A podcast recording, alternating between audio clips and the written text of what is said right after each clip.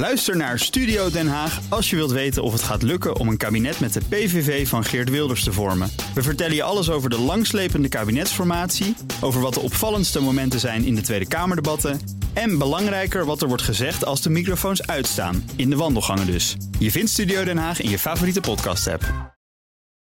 Deze podcast wordt mede mogelijk gemaakt door Amdax. Het handelshuis voor de serieuze cryptobelegger. Welkom bij deel 2 van de CryptoCast nummer 233 en daarvan dan het podcastgedeelte B. In het eerste deel A hebben we het gehad over de laatste crypto-nieuwtjes en je vindt dat als de vorige aflevering. En nu gaan we het hebben over ETF's, ETN's en de beleggingswereld met Martijn Rozemuller, CEO Europa bij Van Eck. Hartelijk welkom. Dankjewel. En uh, co-host is Bert Slachter, analist bij de digitale nieuwsbrief Bitcoin Alpha. Ook welkom. Hey.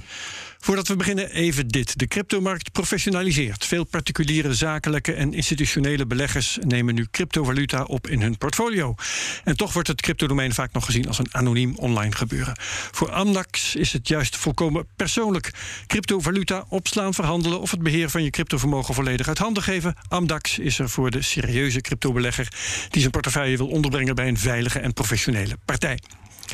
En luister je graag naar de Cryptocast, vergeet je dan niet te abonneren. Ben je elke week direct op de hoogte van de nieuwste aflevering.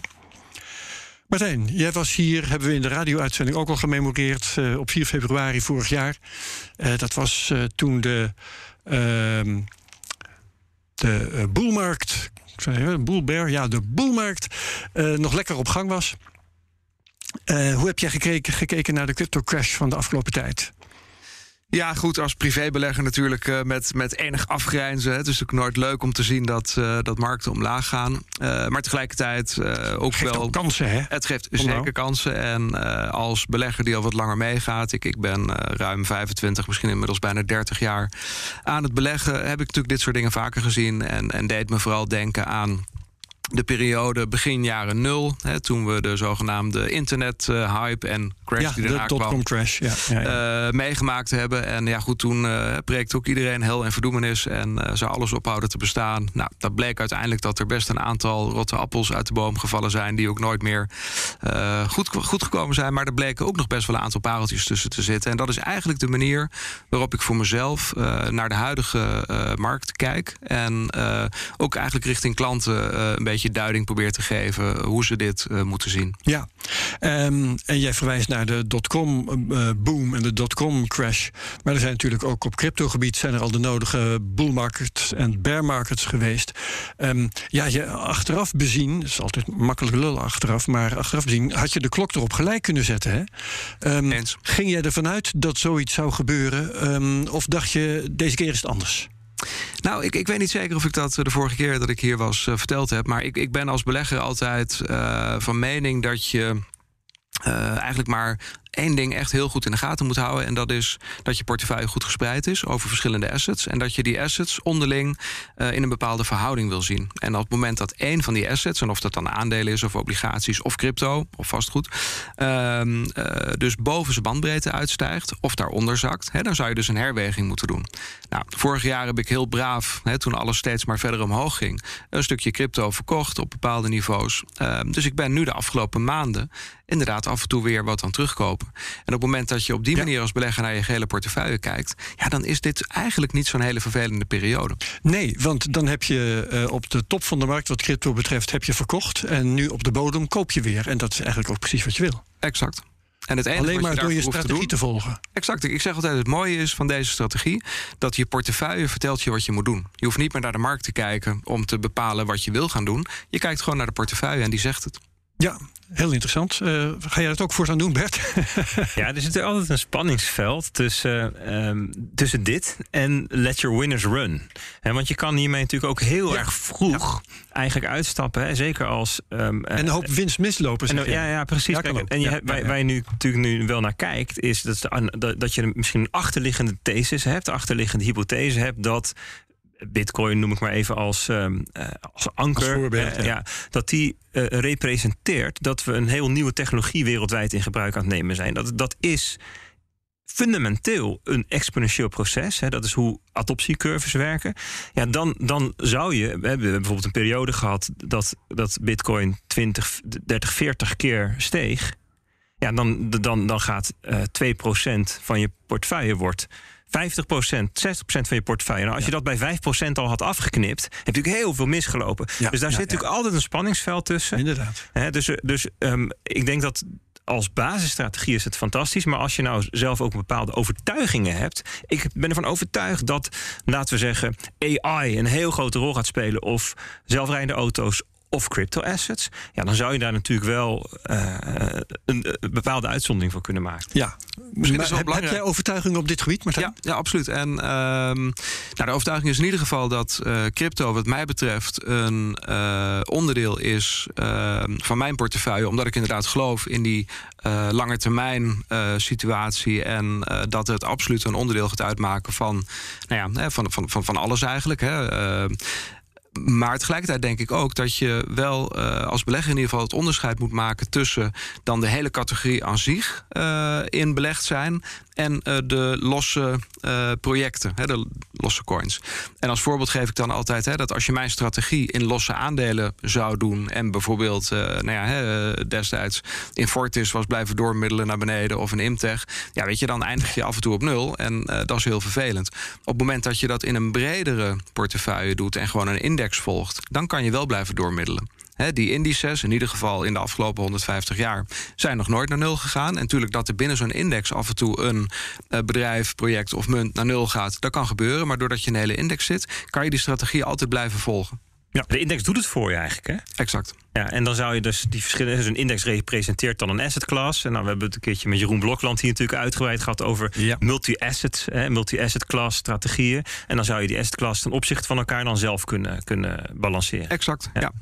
Oké, ehm, maar over de cryptomarkt gesproken, had jij verwacht dat een uh, bear market er zou komen en dat die deze schaal zou uh, aannemen?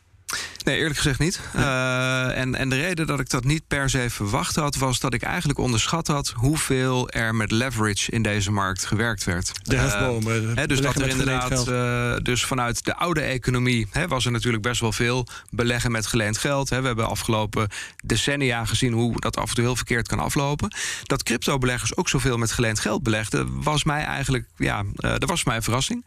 Ehm, en ik denk ook dat dat voor een groot deel de verklaring is geweest van eh, het in ieder geval te inzetten van die bearmarkt. Um, persoonlijk heb ik niet heel veel zicht erop. Misschien dat Bert daar meer kennis van heeft. Maar uh, ik, ik, denk, misschien is het een beetje wishful thinking, hè, maar dat de, de, de leverage er inmiddels wel een beetje uitgeschud is. En dat uh, het misschien naar wat meer verantwoorde niveaus is. Waardoor nu dus ook die, die Bitcoin-koers wat, wat rustiger geworden is. Um, nou, op het moment dat dan de fundamentals hè, weer wat verstevigen, dan kan je natuurlijk langzaam weer omhoog in de hoop dat mensen niet weer met hele forse leverage uh, dat willen gaan doen. Want uiteindelijk is beleggen met geleend geld, of het nou in aandelen is of in crypto, is nooit een echt goed idee. Nee, maar. Um kijk ook even naar Bert. Uh, een van jullie mag het zeggen. Uh, als er weer een boelmarkt komt, dan gaan mensen toch gewoon weer met geleend geld erin springen, of niet dan? Ja, dat, dat, is, dat is geen gekke aanname. Hè? Want mensen, mensen doen wat mensen doen. Kijk, wat. wat um, um, ik, ik ben het helemaal mee eens hè, met hoe, hoe jij dat hebt ervaren. heb ik ook. Um, dat ik dacht van. Nou, laat ik zo zeggen. Ik wist dat kleine bedrijfjes in de crypto. dat zijn, dat zijn um, cowboys. Wilde Westen. We gaan gewoon proberen. Kijk maar naar Tether, hoe dat startte. Dat is natuurlijk mhm. die, die, wat zij allemaal in een kluis hadden liggen. Dat sloeg helemaal nergens op. en op een gegeven moment wordt dat serieus. En dan worden ze uh, ofwel uit zichzelf, ofwel door de markt, of door een toezichthouder gedwongen. om, daar, om, dat, om dat te ordenen. Om daar dat, dat beter te maken. En ik had eigenlijk zelf verwacht dat bedrijven zoals Celsius en Nexo en weet je, dat soort clubs. Dat op tijd voor elkaar zouden krijgen. Ja, dat die gewoon vanwege de omvang en het type mensen wat je ook nodig hebt om dat soort bedrijven te. Dan heb je gewoon professionele mensen uit de, uit de financiële wereld, die, die, die ga je dan in dienst nemen. Dat, dat men inmiddels wel had zelf bedacht dat, het niet, dat dit niet verstandig is. Het lijkt Nexo dat inderdaad voor elkaar te krijgen, want die zijn niet in opspraak. Nou ja, maar goed, je ziet nu ook allerlei bedrijven omvallen dat ik denk van ja, had ik niet verwacht. Hè. Die Duitse uh, partij, Nori geloof ik, grote. Nori, Nouri. Nouri, ja. Weet je, dat ik dacht van nou, dat, als je naar een website kijkt, dan denk je dit is heel wat, weet je wel. En dan blijkt dat toch. Dus um, ja, hoe zit dat dan? Is dat dan toch incompetentie? Of, en dat kan natuurlijk ook, is dat de moordende concurrentie op de markt. Want als de één 5% rente biedt en de ander zegt ik doe 6, zegt daarvoor, ik doe 7, ik doe 8. En hoe doe je dat? Ja, door te veel risico te nemen. Ja. Eh, dus ik, ik kan me voorstellen dat toch in de volgende boelmarkt, wat jij zegt, ja, is het dan hebzucht, is het gretigheid, is het incompetentie of is het concurrentie? Dus misschien, en nou, ik durf de stelling maar aan, en daarom is toezicht nodig. En daarom zijn regels nodig. Ja, Helemaal mee eens. is er druk eh, bezig te komen natuurlijk. Hè? Ja. Ehm, hoe zit dat, Martijn, eh, in de beleggingswereld waar jij middenin zit? Ehm, is crypto daar intussen gearriveerd als acceptabele beleggingscategorie? Nou, nog niet helemaal gearriveerd, maar ik zie duidelijk wel een verschil met uh, nou ja, toen ik hier anderhalf jaar geleden was. Um, en, en dat verschil zit er met name in de vragen die we krijgen en met name ook van wie we de vragen Mm -hmm. krijgen. Dus en laten we zeggen dat uh, zeker anderhalf, twee jaar geleden was het toch vooral echt de retailbelegger die interesse had. En uh, ik denk stiekem ook wel een beetje natuurlijk verleid door de mooie rendementen uit het verleden. Ja. Um, maar de professionelere beleggers, hè, denk aan vermogensbeheerders, banken, family offices, pensioenfondsen, verzekeraars ja, die vonden crypto uh, toch echt nog wel een beetje te, te ver van hun bed. Um, om twee redenen, denk ik. Hè. De belangrijkste reden waarschijnlijk toch hoe de toezichthouder er naar keek. Uh, en, en de tweede reden toch ook een beetje de onbekendheid en het vermoeden van ja, misschien is het toch een piramidespel. Hè, misschien is het allemaal wel toch niet echt uh, zo mooi als het lijkt. Uh, nou, en daar begint echt de afgelopen maanden wel een, een kentering zichtbaar te worden. We krijgen steeds vaker van vermogensbeheerders, family offices vragen over de uh, crypto-notes. Uh, heel vaak begint het dan niet per se met een vraag over de nood, maar echt uh, met een vraag over de underlying. We hebben inmiddels ook een team van, nou in ieder geval wereldwijd, man of tien in dienst, he, die ja, gewoon echt research doen naar de verschillende mogelijkheden, heel breed binnen crypto. Um, en we kunnen dus die mensen ook echt wel van goede informatie voorzien. En dat geeft ze langzaam steeds meer comfort. En dan zie je dus dat die vraagstelling ook een beetje verschuift richting oké. Okay, en stel nou dat ik inderdaad overtuigd ben van Bitcoin of Solana of Polkadot of, of noem maar een zijstraat hoe kan ik dan met jullie nood daar toegang toe krijgen? En die, die, die vragen worden echt steeds concreter, steeds serieuzer. Ja. Ook op het niveau van hoe werkt de verhandeling? Nou, en op het moment dat het daarover gaat, dan weet je dat ze op het punt staan om een transactie te doen. Wat ik even met je wil bespreken, dat is uh, het verschil tussen ETF's en ETN's. Uh, uh, ETF, daar, daar, is in Amerika sprake van. Exchange Traded Fund, een aandelenfonds dat voor jou bitcoins koopt. Jij koopt aandelen. Het aandelenfonds, zo beleg je indirect in bitcoin. Een ETN is hetzelfde, maar dan toch anders. Dus leg uit. Ja, nou kijk, in Amerika heb je niet wat we hier in Europa hebben, de zogenaamde USITS-regels. En USITS ziet met name toe op spreiding. omdat ze die in Amerika niet hebben, hè, kan je dus een ETF maken die in één asset belegt, bijvoorbeeld dus bitcoin. Uh, want je hoeft verder niet over spreiding na te denken. In Europa Spreiding moet je... van, je, van je belangen, van exact. je, uh, ja. de, de, de ja, binnen de ETF. Hè? En, en dan binnen de ETF inderdaad. Binnen de ETF, ja. ja, ja. Nou, in, in Europa moeten we dat wel. Hè, dus dat betekent dat je in Europa geen bitcoin ETF kan maken. Omdat uh, als je alleen maar in bitcoin belegt... kan je dus nooit voldoen okay. aan die regels op spreiding.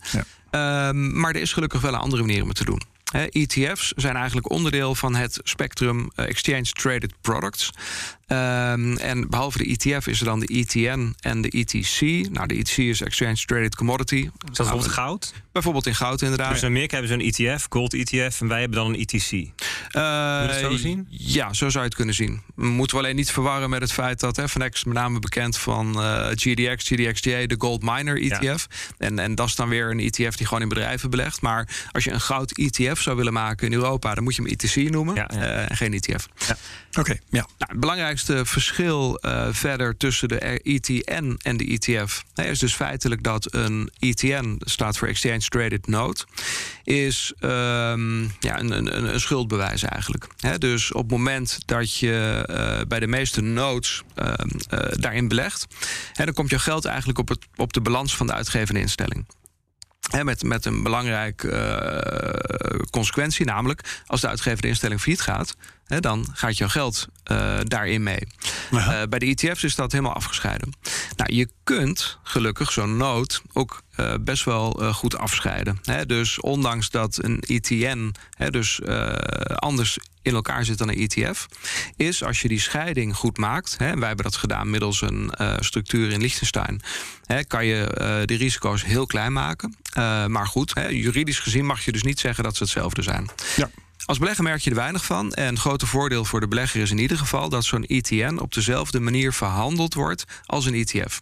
Dus dat betekent dat, uh, net als bij de ETF's, hè, de ETN's die zijn verhandelbaar bijvoorbeeld op Euronext, waarbij een market maker, een partij als Flow Traders uh, of, of Chain Street of Optiver, hè, die onderhouden de markt in de ETF's of in, in sommige gevallen de ETN's op precies dezelfde manier. Dus er is een biedprijs, er is een laadprijs. En jij kan als belegger dus uh, gedurende de openingstijden van de beurs in en uitstappen. Waarbij je dus niet rechtstreeks met ons hoeft te handelen, maar in een open markt handelt. Waarbij dus niet alleen die market makers kijken naar wat is de fair value van die nood. Maar ook alle andere marketdeelnemers uh, kunnen kijken wat ze de fair value vinden. Ja, ja. Bert, um, de ETF was heel lang een soort uh, heilige graal. Uh, in 2017 al. Hè, als die er zou komen, dan zou de bitcoin-koers uh, exploderen. exploderen. um, intussen zijn er ETF's en dus ook in verschillende vormen kun je doen wat die ETF dan beloofde. Um, heeft dat nou eigenlijk wel of niet invloed gehad op de bitcoin? Aan de ene kant is de bitcoinkoers een stuk hoger dan in 2017.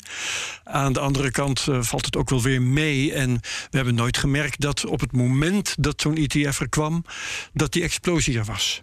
Nee, dat klopt. Dus wanneer was dus de belangrijkste voor de markt in ieder geval de belangrijkste stap is geweest dat er in Amerika nu ook een ETF is. En die is er sinds, ik geloof, um, begin oktober vorig jaar. Overigens in Bitcoin Futures, hè? niet in echte Bitcoins. Klopt, maar ja. voor een heel gedeelte van de mensen maakt dat niet zoveel uit. dus, nee. dus zeker financieel adviseurs in Amerika die dan begeleiden en zeggen: joh, doe die. Dat je dat, dat, en het, het, natuurlijk is het ietsjes minder efficiënt dan als uh, fysieke bitcoin, hè, spot bitcoin zouden aanhouden. Maar de vraag is of, of, of de doelgroep daar echt heel erg om maalt. Ja, ja, dus, dus um, en, en in de laatste uh, jaar, nou ja, uh, Martijn vertelde net anderhalf jaar geleden, hè, kwam eigenlijk ongeveer de, de Bitcoin um, uh, ETN in Europa. Af, afgelopen jaar ook in Canada, Australië, zie je al die ETF's komen. Dus ik denk eigenlijk de vorige boelmarkt, en die natuurlijk op gang kwam al in oktober 2020, november, december, januari spraken we elkaar. Maar toen, dat was echt het, het moment. Ja, je zegt de vorige, je bedoelt de laatste boelmarkt. Ja, de, de afgelopen ja, boelmarkt. Ja toen, toen waren die ETF's er eigenlijk nog niet. Dus het effect van het, het, breed beschikbaar zijn van ETF's in de wereld. Europa, maar ook al die andere landen, ook Amerika.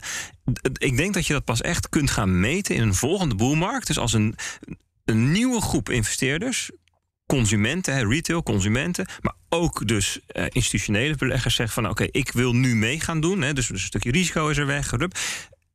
En die instrumenten zijn er. En dan gaan we zien hoe die ETF's, wat voor hè, dus het vermogen wat ze daarin zit, hoe dat dan gaat groeien. En dan denk ik, dat zou denk ik, dat is denk ik de test van um, is er nou daadwerkelijk die interesse of niet? Ja, ja.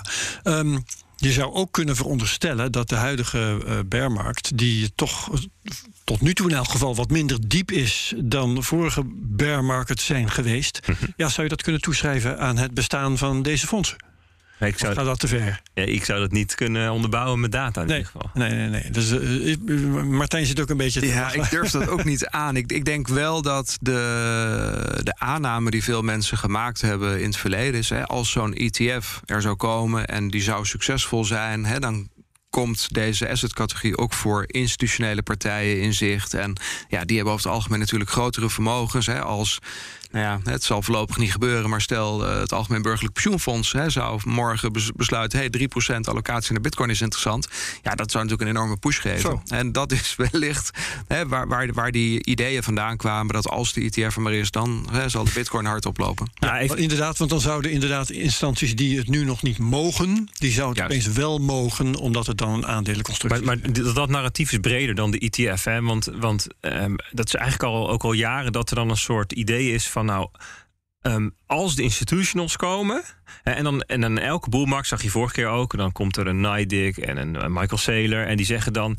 Nou jongen, we hebben gesprekken. En ze staan vijf rijen dik voor de deur te trappelen, die institutionals. Het zijn er zo ongelooflijk veel. En dan achteraf moet je constateren dat er drie zijn, weet je wel. Oh ja. Dus het is ook het is ook een beetje het onderdeel van de hype en de euforie elke keer in die boelmarkten. En daarom vind ik het heel interessant dat jij zegt van nee, maar ik, zie dus nu echt daadwerkelijk gewoon echte, dus geen hype, geen, geen, geen opklopperij, maar ik heb gewoon daadwerkelijk gesprekken met feitelijke institutionele partijen, family offices. Absoluut. Nou, en dat zijn, ik, ik kan me voorstellen, dat gaat op volgorde van de mate, waar, mate waarin ze, ze uh, autonomie hebben. Dus een pensioenfonds heeft allemaal mandaat, allemaal toezicht, allemaal regels. Veel moeilijker om die stap te maken. En een family office kan het veel makkelijker. Die beheren het vermogen van rijke families hè, of rijke individuen.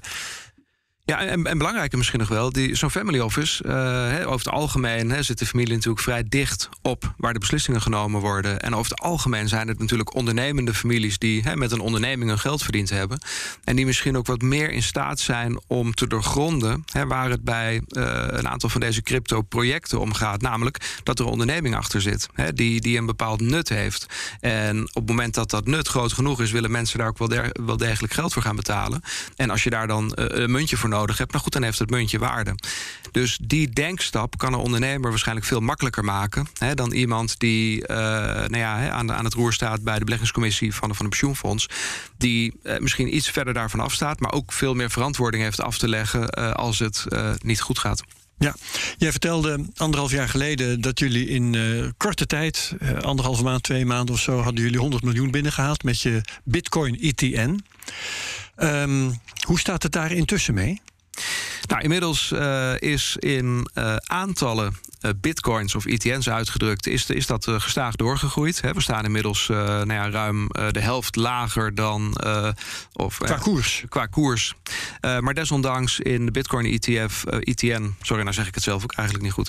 Ja. De Bitcoin ETN zit inmiddels zo'n 125 tot 150 miljoen. Dus dat is meer dan destijds. Maar in de wetenschap dat Bitcoin zelf ongeveer op de helft de staat. Koers, ja.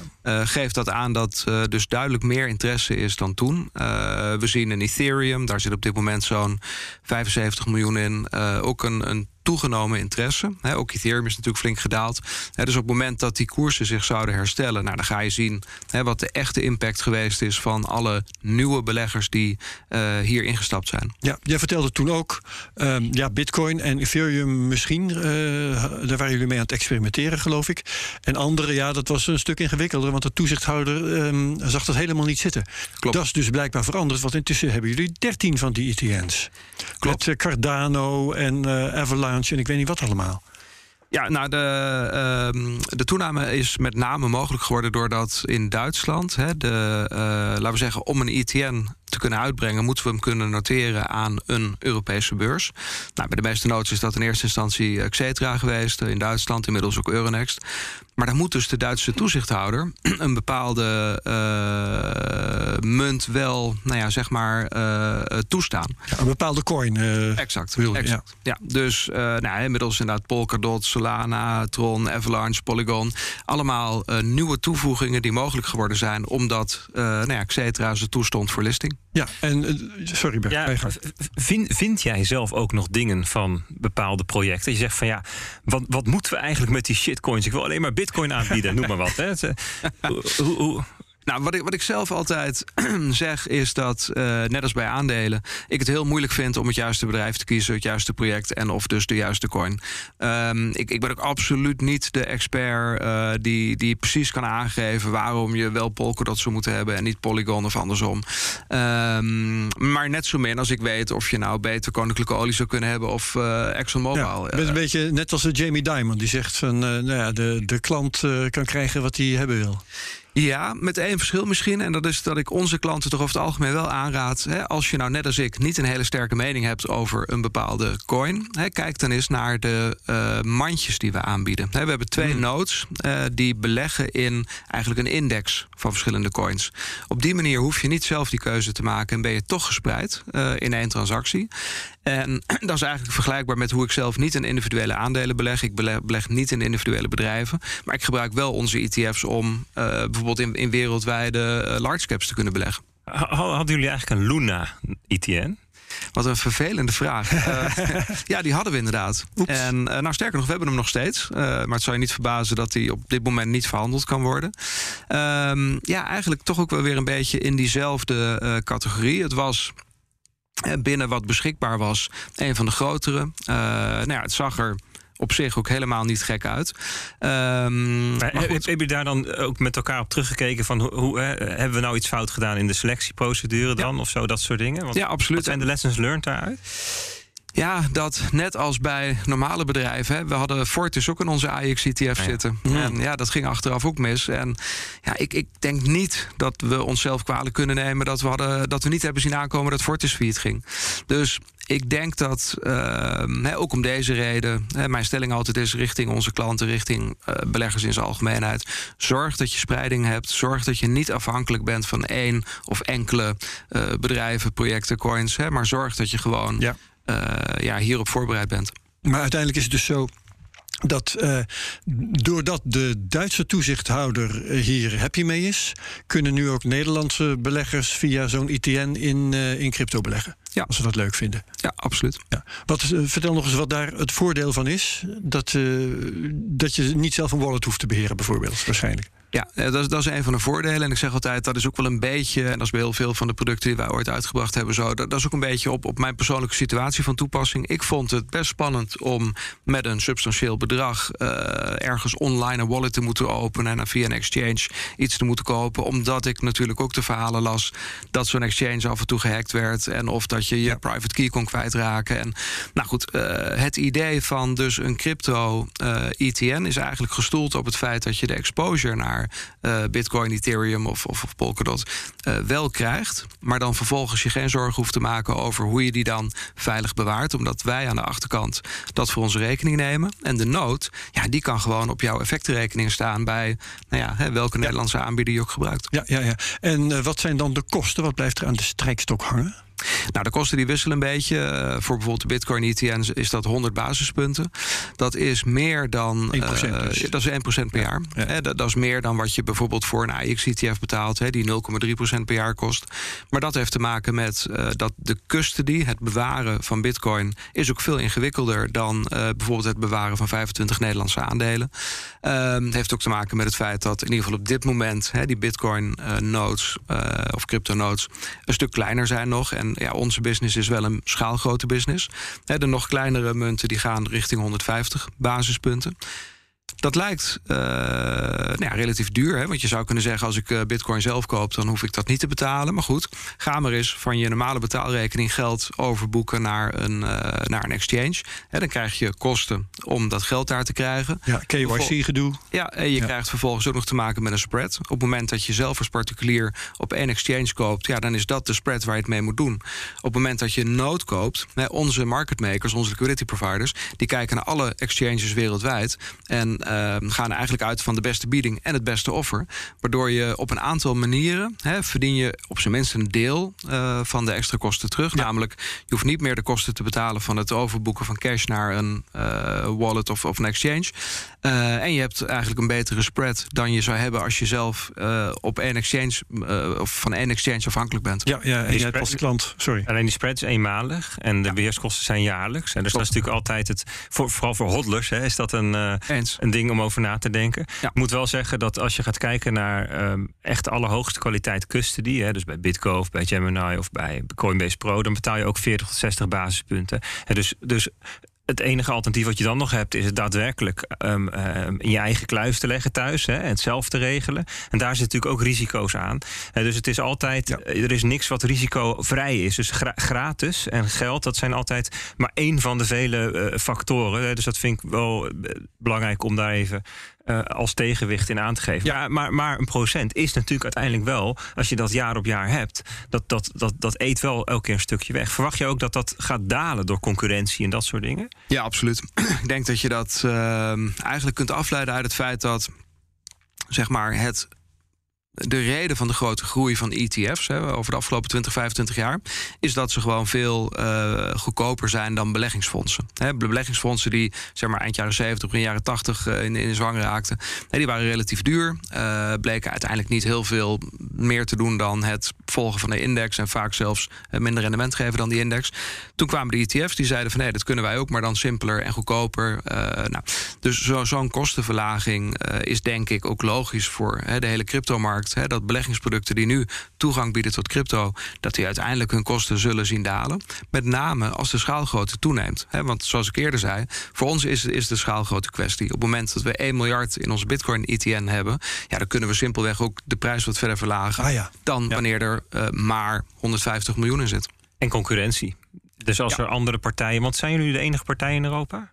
Nee, zeker niet. Er zijn een aantal aanbieders van, uh, van cryptonotes. Uh, wij zijn wel de enige of, of, of een van de weinigen die eigenlijk uit de gevestigde orde komen hm. en dit erbij zijn gaan doen, omdat we erin geloven. Ehm, en ik denk dat dat ons in een perfecte positie brengt, omdat uh, zeg maar de hele nou ja, bear market van de afgelopen 6 tot 12 maanden heeft voor een aantal aanbieders die zich alleen op crypto richten, heel veel problemen veroorzaakt. He, zie dan je business nog maar eens gezond te houden. Wij hebben in Europa, nou ja, pak een beetje een procent of vijf van onze omzet uit de crypto-producten. Maar die andere 95% komt uit de nou ja, zeg maar normale ETF's. dus wij zijn veel minder afhankelijk van uh, de koersontwikkelingen van Bitcoin, Ethereum en, en de andere munten. En uh, ja, kijken dus ook op een hele andere manier naar die business. En kunnen uh, wat dat betreft dit ook, eh, ja, denk ik, een stuk langer volhouden. Ook, ook al zou die bear market nog wat langer aanhouden. Je vertelde net dat um, het Bitcoin Fonds, of de Bitcoin Note, heeft nu uh, wat zei je ook weer, 150 miljoen is die waard um, bij de halve koers. Dus uh, het is eigenlijk drie keer zo groot als die 100 miljoen waar je de vorige keer nog uh, mee kwam. Ja. Um, maar ben ook wel een beetje geïnteresseerd in het tijdsverloop. Ehm, sinds die bear market is ingezet, lopen de mensen weg of blijven ze gewoon toestromen? Nou, wat je dat is wat, wat uh, bij, in de crypto over het algemeen gebeurt, in het bear market. Vraag maar aan de exchanges en aan de, de cryptobedrijven in Nederland. Ja, ja. Uh, mensen gaan toch weg. Eens. En, en dat, hebben we, dat, dat, dat zien we ook, hè, dat horen we ook in de media. Uh, en, en dat merken wij ook. Hè. Dat is overigens bij crypto niet anders dan bij de normale ETF's. Hè. Op het moment dat de markt een tijd lang zijwaarts beweegt of omlaag gaat, ja, dan zijn beleggers wat minder geïnteresseerd. Ja. Wat eigenlijk heel jammer is, hè, want wij, wij proberen altijd toch mensen ook wel een beetje eh, ja, op te voeden met het idee. Als je geld hebt, wat je niet op een andere manier gebruikt. En, en, en waar je dus eigenlijk een bestemming voor zoekt, namelijk hè, je wil rendement maken ja, dan is een bearmarkt misschien wel helemaal zo gek niet. Hè? Dat is misschien juist wel een heel fijn moment om het te doen. Maar goed, dat is de psychologie. En, en de psychologie inderdaad uh, van de belegger, ja, die leidt er toch vaak toe dat mensen juist als die markt al stijgende is, graag mee willen gaan doen. En op het moment dat die markt dan daalt, af en toe besluiten te stoppen. Nou, op het moment dat je dat vaak genoeg doet, dat is een goede manier om van je geld af te raken. en dus uh, een van de dingen die, die we bij, bij Van Eck al, al jaren doen, is een stukje educatie aanbieden. En dit is nou precies een van die uh, tips die we mensen meegeven. probeer je nou niet te laten verleiden door extra te willen gaan beleggen als alles heel goed gaat, om het vervolgens weer eh, te verkopen als het heel slecht gaat. Probeer dat het liefst andersom te doen. En overigens, mijn strategie die ik eerder noemde, van uh, kijk naar je hele portefeuille, ja, ja, ja. kijk naar die verschillende asset classes en, en hoe ze ten opzichte van elkaar bewegen. Ja, die leidt er eigenlijk toe als je dat doet. dat je dus in een bearmarkt uh, van crypto, als de crypto dus harder daalt dan de rest van je assets, ja, dan zul je dus volgens je portefeuille wat moeten gaan bijkopen. En juist als die bearmarkt dan uh, draait hè, en alles stijgt hard, ja, dan zul je wat moeten gaan afbouwen. Maar op het moment dat je dat doet, dan zul je merken dat dat op lange termijn uh, een goed recept is. Ja, hoe is het tussen, want je zei 150 miljoen uh, bitcoin, ik geloof 75 miljoen ether, als ik ja. het goed heb onthouden. nou, dan hebben jullie een hele hoop andere coins. ik hoorde Solana, Polkadot, nou ja, Avalanche, noem maar op. Ja. Um, Tron, hoeveel zit in dat soort coins? Nou, alles bij elkaar zitten we op dit moment rond de 300 miljoen. Uh, hè, dan hebben we dus inderdaad al die single dat is coins. Bitcoin plus Ether plus al die andere. Juist, en, en ook de, de, de, de baskets, hè, dus de twee nodes die we hebben die een index uh, volgen van uh, verschillende coins. Met andere woorden, na Ether gaat het heel snel omlaag. Want ik ja. heb nog, als ik dat uit mijn hoofd uitreken, nog 75 miljoen voor de hele rest. Klopt. Ja. dat wordt, het wordt al heel snel minder. Hè. Die, uh, overigens, hè, die kleinere nodes die bestaan over het algemeen ook minder lang. Hè. Dus dat is een deel van de verklaring ja, waardoor ze kleiner zijn. Ehm, maar ja, dat, dat is ongeveer de orde van grootte waar je over praat. Ehm, kleine disclaimer: het verandert natuurlijk eh, letterlijk uh, met de dag. En met name in deze asset-categorie ja, scheelt dat maar zo 5 à 10 procent op een dag. Dus pin me er niet exact op vast, maar dit, deze orde van grootte die, die klopt ongeveer. Ja. Nog één vraag over die Duitse toezichthouder trouwens. Um, is, kun je aangeven waarom die is omgegaan? Waarom die toch de hand over het hart heeft gestreken wat betreft al die altcoins? Nou, ik, ik, kan niet exact aangeven wat, uh, wat het hele denkproces van de niet Duitse toezichthouder is geweest. Is maar um, wat ik wel merk is dat, um, en het zijn ja, gek genoeg een beetje de Duitsstalige landen, dus Duitsland, Zwitserland, um, Oostenrijk, Liechtenstein, dat de, de algemene tendens daar gewoon wat crypto-vriendelijker is dan bijvoorbeeld in Nederland of, of in de UK. ja, het, het, het kan iets te maken hebben met het feit dat Duitsers over het algemeen wat meer nou ja, technologie-minded zijn. Hè, dat ze misschien wel iets meer uh, vertrouwen hebben in techniek uh, in, in, in de brede zin. En, en om die reden meer openstaan voor dit soort ontwikkelingen. dus dat ze ook iets meer zien wat het uh, nut of het bestaansrecht eigenlijk is. Maar ja, dat is speculeren van mijn kant. Ja, ja. Um, je vertelde de vorige keer, anderhalf jaar geleden, ook dat je wel geïnteresseerd was in het zelf toepassen van uh, blockchain-technologie. Namelijk door een uh, ETN of een ETF te nemen en die dan vervolgens weer te tokenizen, zodat mensen tokens zouden kunnen kopen en op die manier zouden kunnen beleggen in een dergelijk instrument. Ja. Is het daar nog van gekomen? Nou, dat is zeker een van de projecten die, uh, die lopen. Uh, absoluut. klinkt als nee. Uh, het is nou, nog nee, niet zover. Het, het, het, is inderdaad nog niet zover. Nee, het is ja. zeker iets waar we naar kijken en waar we absoluut nog steeds eh, interesse in hebben. Ehm, maar het is ook wel iets wat, en ook dat heeft met toezicht te maken natuurlijk wat je niet van vandaag op morgen zomaar doet. er, er, zijn best wel een aantal uitdagingen die je dan hebt. Um, maar uh, ja, ik, ik uh, hoop dat, en of dat nou zes, negen of achttien maanden zijn daar durf ik geen voorspelling over te doen. Maar ik hoop wel dat we te zijner tijd uh, met een, nou ja, op zijn minst een pilot kunnen komen. En ja. wat, welk, wat voor ETF denk je dan aan om als pilot om mee te starten? Uh, dat weet ik niet, maar uh, en, en daar hebben we ook echt nog niet uh, in, in dat stadium zitten we niet. Maar het zou natuurlijk superleuk zijn om bijvoorbeeld een ja, AX-token te hebben. Ik ja, kan het aan jou vragen, Bert. wat zou je die moeten doen? Nou ja, niet, niet Bitcoin of Ether, want die zijn er al als tokens. Ja, dan, ja, dan, Dat staat natuurlijk nergens op. Maar bijvoorbeeld, um, ik denk dat het, um, jullie hebben een, uh, een ETN met allemaal cryptobedrijven. Hè? Ja, dat, dat, is een echte ETF. Dat is een, dat is blockchain ETF, innovator. Natuurlijk. Dat is een, ja. en daar zit uh, Marathon in en Coinbase, weet je, dat soort dingen. MicroStrategy, denk ik.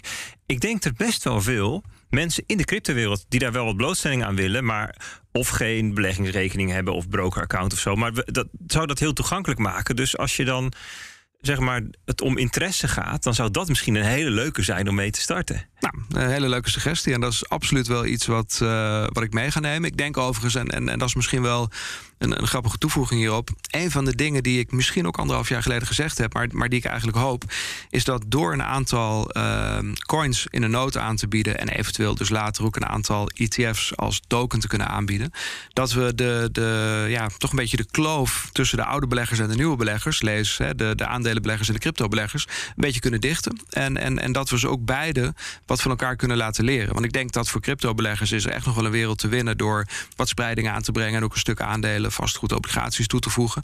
Maar voor die aandelenbeleggers is er ook echt wat te winnen door, door dat crypto-stuk toe te voegen. En ik denk uiteindelijk is onze missie altijd geweest om. Uh, beleggen in, in, in, in de brede zin, hè, in alle aspecten, op een goede manier toegankelijk te maken voor uh, ja, beleggers. Uh, en daar past dit natuurlijk heel mooi in. Uh, Binance heeft het ook geprobeerd, hè, het uh, tokeniseren van aandelen.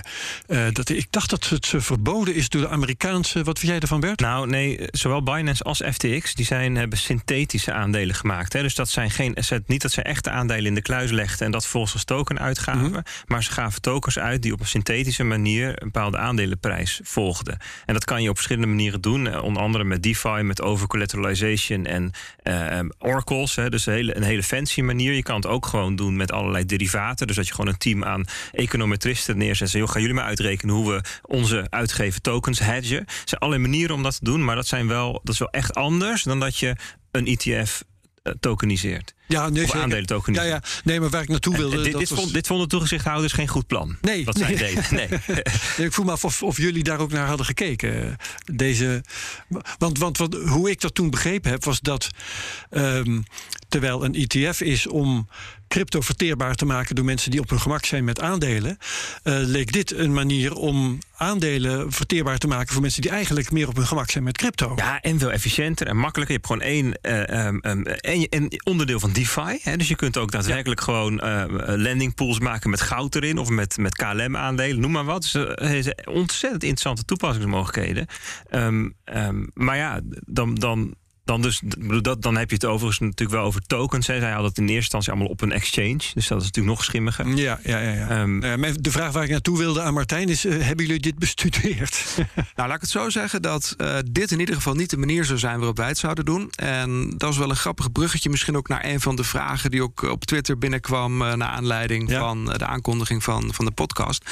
namelijk, hoe is nou de controle op ETF's, hè, als het gaat om uh, de onderliggende beleggingen. Hè, zijn die er wel? Hè? Krijg je misschien eventueel ja. Terra-achtige Heb toestanden? je die bitcoins wel in de kluis liggen ergens? Exact. En nou, de manier waarop wij onze ETF's maken en ook onze ETN's... Hè, is door één op één alle aandelen, als het om een aandelen-ETF gaat, of coins, als het om een uh, cryptonoot gaat, om al die onderliggende aandelen of coins gewoon in bezit te hebben. Die ook uh, nou ja, te houden, dus niet uit te lenen. Geen synthetische constructies. Omdat dat, wat mij betreft, de enige manier is om het product echt um, nou ja, één op één veilig te maken. Met veilig bedoel ik dan dat de belegger alleen nog maar risico loopt op die onderliggende waarde. Dus als die onderliggende waarde daalt, tuurlijk, dan ga je er als belegger pijn van voelen. Maar er kan niet iets anders gebeuren. En bij heel veel constructies, en ik moet je zeggen, ik heb hem niet in detail bestudeerd, maar zoals jij hem net noemde, als je dus een uh, ja, eigenlijk synthetische uh, token gaat maken die een koers van een aandeel volgt. En, en er is een pool en er is collateral en er zijn, er zijn beloftes en juridische afspraken. Het is nog steeds niet helemaal één op één dicht. En uh, wat voor mij denk ik heel belangrijk is, is als we zoiets zouden doen, dan zou het één op één dicht moeten zijn. Dus een token ja. van bijvoorbeeld een AX-ETF zou één op één voor iedere token, hè, zou er een onderliggend dus een AX ETF moeten zijn. Zodat de belegger altijd weet dat op het moment dat hij zijn uh, token wil uh, omwisselen, hè, dat hij ook gewoon echt de waarde van op dat moment de AX terugkrijgt. Ja, ja, ja dus, dus dat is echt fundamenteel anders dan dat je een handelsplatform op dat handelsplatform ook aandelen laat aanbieden. Hè? Want dat, die beweging zie je wel. Ik bedoel, Binance en FTX die gingen daar natuurlijk wat te kort door de bocht. Maar je ziet wel dat bijvoorbeeld ook in Europa zijn er zo'n eToro bijvoorbeeld. Die willen uiteindelijk als broker zowel crypto assets als aandelen gaan aanbieden. Zodat je ja. one-stop shop in je mandje dat beide kunt hebben. Maar dan loop je nog steeds risico dat, dat zo'n partij iets geks doet.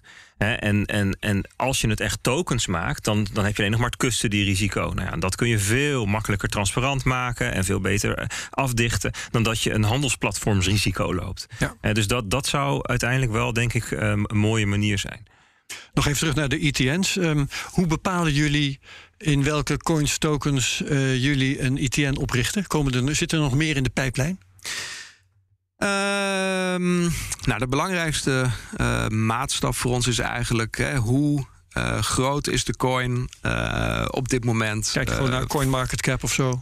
Market cap is een van de belangrijkste. En dat ja. heeft ook te maken met het feit dat wij, om een goede noot te kunnen maken, bepaalde liquiditeit nodig hebben. Dus we moeten die coin ook makkelijk kunnen kopen en verkopen. Uh, want anders kan je heel moeilijk een noot maken. En dat, ook hier is er eigenlijk heel veel. Um, ja, uh, parallel aan de normale aandelen-ETF's. Want een aandelen-ETF maken we ook eigenlijk alleen op bedrijven die groot genoeg zijn en liquide genoeg ah, ja. om uh, goed ons werk te kunnen doen. Ja. En dat geldt dus ook voor de, voor de coins. Ja, uh, maar goed, we zitten er nog in de pijplijn. Komen er nog bij binnenkort? Er zitten een aantal ideeën in de pijplijn. Maar daar mag ik helaas Ach. natuurlijk niet al te veel over zeggen. En uh, nou ja, voor mensen die dat interessant vinden, in onze, uh, nou ja, op de website, op de nieuwsbrief, hè, worden dit soort dingen natuurlijk altijd uh, aangekondigd zodra het zover is. Ja, ja, ja. En uh, waarom hebben jullie die Blockchain Innovators ETF met die blockchain bedrijven? Wat, wat vinden jullie daar zo geweldig aan? Nou, wat we daar uh, geweldig aan vinden is dat het een hele nieuwe uh, sector is hè, van bedrijven die nog niet in een aantal van onze andere ETF's zitten. Hè, dus laat ik het zo zeggen, wij hebben als we over thematisch beleggen praten, hebben we een pure play benadering. Dat betekent dat we hebben een paar jaar geleden een videogaming en e-sports ETF uitgebracht. Nou, dan proberen we een index te vinden die bedrijven mm. selecteert. die niet ook al in uh, de grote bekende wereldwijde aandelenindex zitten. Want ja, dan heb je als belegger eigenlijk twee keer hetzelfde. En natuurlijk doet Google vast wel iets met videogaming en e-sports. Maar omdat dat maar een heel klein stukje van hun omzet is. komen ze dan niet in die ETF. Nou, hetzelfde geldt voor uh, de crypto-industrie. er zijn uh, best veel interessante bedrijven die uh, niet in een andere bekende wereldwijde aandelenindex zitten. en door die dan in een aparte ETF aan te bieden, geef je beleggers de mogelijkheid om ook exposure te krijgen op dat stuk van nou ja, de wereldwijde aandelenmarkt. En dat vinden we erg interessant. We hebben altijd geprobeerd om ons daar te onderscheiden. dus niet de zoveelste SP 500 ETF uit te brengen, maar juist iets wat er nog niet is en wat uh, daadwerkelijk helpt om meer spreiding aan te brengen uh, dan beleggers anders zouden kunnen. Ja. Vind je het nog belangrijk dat die spot Bitcoin ETF er komt?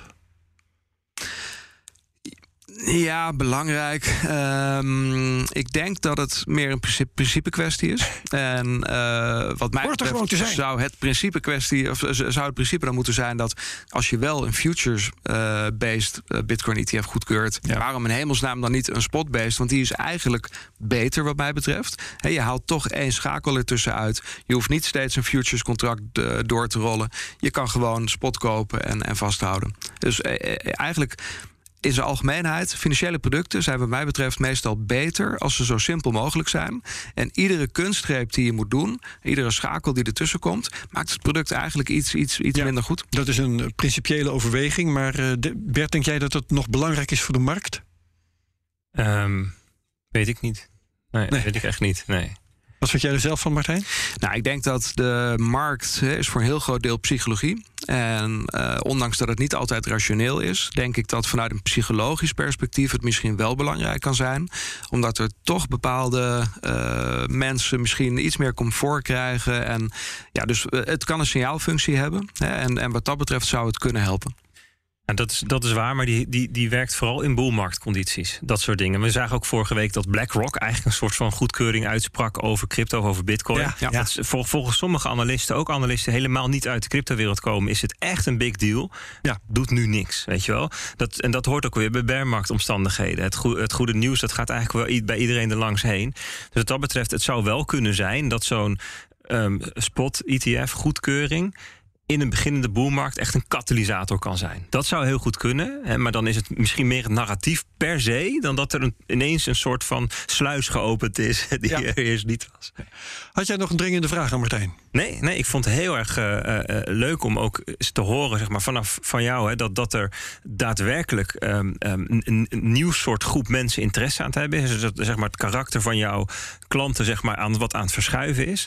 Dus dat is echt wel, uh, wel boeiend om ook in zo'n bearmarkt um, als, als, als signaal mee te krijgen. Ja. Zeker weten. Hadden we nog iets moeten vragen, Martijn, wat we niet gevraagd hebben? Uh, nee, volgens mij niet. Nee. Goed zo, dat is een hele geruststelling. Dan uh, dank ik je hartelijk voor je medewerking aan deze podcast. Graag gedaan. Martijn Rozenmuller, CEO van Van Eck Europe. Uh, Bert Slachter, analist bij de digitale nieuwsbrief Bitcoin Alpha. Dankjewel. Was co-host vandaag. Um, tot zover deze CryptoCast. Volgende week een gesprek met George Provoost over de situatie bij Tornado Cash. En open source software. Wat zijn de gevolgen van die affaire voor open source software? Co-host is dan Jacob Boersma. Vergeet deze CryptoCast niet te delen met je volgers op Twitter. Gebruik de handle CryptoCastNL. Reviews kun je achterlaten op Apple Podcasts. Dan kunnen we daar beter gevonden worden. Like, subscribe en comment op YouTube natuurlijk. Dankjewel. Namens de CryptoCast redactie en heel tot volgende week. Dag. Deze podcast wordt mede mogelijk gemaakt door Amdax. Het handelshuis voor de serieuze cryptobelegger. Bij BNR ben je altijd als eerste op de hoogte van het laatste nieuws. Luister dagelijks live via internet. Bas van Werven. En heel langzaam komt de zon op rond dit tijdstip. Je krijgt inzicht in de dag die komt op BNR, het Binnenhof in Nederland en de rest van de wereld. De Ochtendspits. Voor de beste start van je werkdag. Blijf scherp en mis niets.